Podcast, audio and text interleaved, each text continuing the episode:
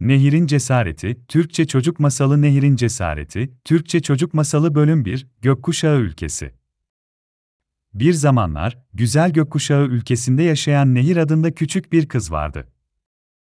Nehir, en yakın arkadaşı Emilia ile birlikte periler, unicornlar ve diğer sihirli yaratıklarla dolu muhteşem bir dünyada yaşıyordu. Nehir'in annesi Merve ve babası Onur da onunla birlikte yaşıyordu ve aileleri küçük kedi Pamuğu da besliyordu. Bölüm 2 Nehir'in Cesareti Bir gün, Nehir ve Emilia ormanda yürüyüş yaparken yollarını kaybettiler.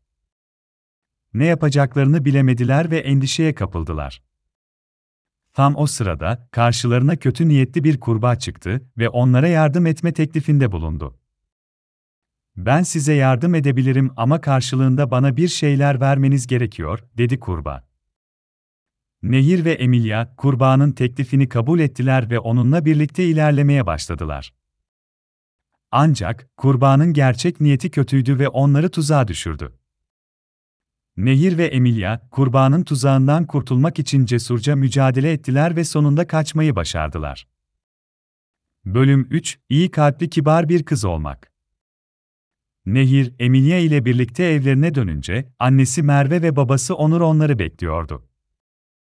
Nehir ve Emilia, başlarından geçenleri anlattılar ve aileleri onları büyük bir sevgiyle kucakladı. Bu olaydan sonra, Nehir'in cesareti tüm gökkuşağı ülkesinde konuşuldu.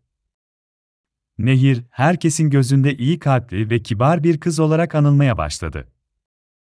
O günden sonra, Nehir ve Emilia her zaman birbirlerine destek oldu ve birlikte daha birçok maceraya atıldılar.